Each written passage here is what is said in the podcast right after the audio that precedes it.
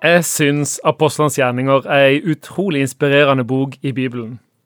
Her møter vi et kraftfullt og dynamisk kristenfolk som hele tida vokser. Flere blir kristne i perioder hver eneste dag. Hva er det som er grunnen til det? Og hva er det som preger disse første kristne? Jeg tror Apostlenes gjerninger kan gi oss noen spor. Et av sporene finner vi i et utrolig spesielt avsnitt i Apostlenes gjerninger kapittel 1. Det er 40 dager etter Jesu oppstandelse. Jesus underviser disiplene, og så skjer det noe. Da han hadde sagt dette, ble han løftet opp mens de så på, og en sky tok han bort foran øynene deres. Som de nå stirret mot himmelen mens han dro bort, sto med ett-to menn i hvite klær foran dem og sa, Galileere, hvorfor står dere og ser mot himmelen? Denne Jesus som ble tatt bort fra dere opp til himmelen, han skal komme igjen på samme måte som dere har sett ham fare opp til himmelen. Jeg må innrømme at jeg har problemer med å ta historier om ufoer og romvesener seriøst. Det samme gjelder mennesker som tror på dette, og som forteller historier om nærkontakt med disse vesenene. Men strengt tatt, jeg kan ikke klandre mennesker som rister på hodet av meg heller. For jeg tror på historien Bibelen forteller, om at mannen fra Nasaret, som levde i Israel for 2000 år siden, skal komme igjen og hente alle som tror på han, hjem til seg. Men jeg mener det er en vesensforskjell mellom historien om romvesener og om Jesu gjenkomst. For til tross for at det virker ganske absurd, så holder jeg fast ved det. Jeg tror på det. Jeg plasserer min tillit i håpet om Jesu gjenkomst. For Gud har vist seg troverdig gjennom hele sitt ord i menneskers liv gjennom hele historien og i mitt liv. Han har vist seg som en som holder det han lover. Så når han sier at han kommer igjen, så er det en dyp overbevisning i meg om at det er sant. Det fører til to ting, to budskap til deg i dag. For det første, du må ikke sovne, men du må være klar når Jesus kommer. Bibelen har en rekke ord til oss som må være vågne. Vi får høre om at to skal være ute på marken, den ene blir tatt med, og den andre blir latt tilbake.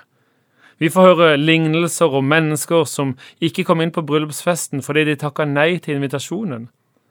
Eller lignelsen om jomfruen som gikk glipp av bryllupet fordi de sovna og ikke hadde olje i lampene. Hovedbudskapet er du kan miste troen, du kan gå fortapt, ikke gjør det, men vær vågen. Og hold fast på Jesus som ditt eneste håp. Det er det eneste som holder når Jesus kommer igjen. Ingen rik historie i et kristent arbeid, ingen kristne øvelser eller gode moralske valg. Alt dette kan være konsekvenser av et liv som kristen, men det eneste Jesus ser etter, er om du tror på Han. For at hver den som tror på Han ikke skal gå fortapt, men ha evig liv, sier Jesus i verdenshistoriens kanskje mest kjente bibelvers, i Johannes 3, 16. For det andre fører forventninger om Jesu gjenkomst til at vi må få med oss flest mulig før han kommer igjen. Disiplene fikk jo høre dette, at Jesus skulle komme igjen, og det var innledninga til en misjonsvirksomhet som har holdt på fram til i dag. For om vi virkelig tror på en ny himmel og en ny jord, ja, så preger det vår hverdag, vår bønn, våre prioriteringer og våre menigheter. Jesus kommer igjen, og vi har et oppdrag om å fortelle alle mennesker evangeliet om Guds frelse. Han har satt ei åpen dør, en invitasjon til mennesker om å være med i evigheten, inn i det evige livet. Nå er oppdraget vårt. Et oppdrag du er med på om du tror på Jesus, og deler invitasjonen med alle mennesker. Skremmer vi mennesker til himmelen med dette? Nei, det vil i tilfelle ikke vare mange dager, men jeg håper vi åpner øynene til mennesker, sånn at de ser hva dette handler om frelse eller fortapelse, evig liv eller evig død. Og når mennesker får øynene åpna, så skal vi hjelpe dem å rette blikket bort fra sin egen synd og se opp på Jesus, han som utsletta skyldbrevet på korset. Vi skal hjelpe dem å løfte blikket og se at han som elsker dem så høyt, en dag kommer igjen.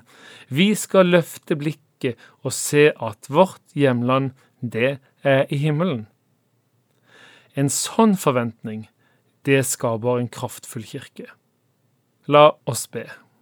Himmelske Far, lev i våre hjerter og hold oss vågne, så vi blir med når du kommer for å hente din menighet hjem.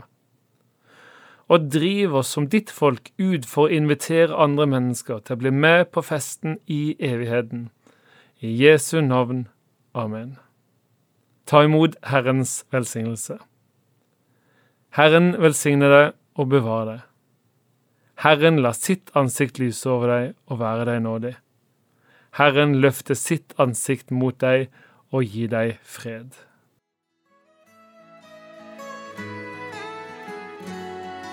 Du har lytta til Over en åpen bibel med Jarle Haugland. Serien produseres av Norea Mediemisjon og er et gjenhør fra 2019.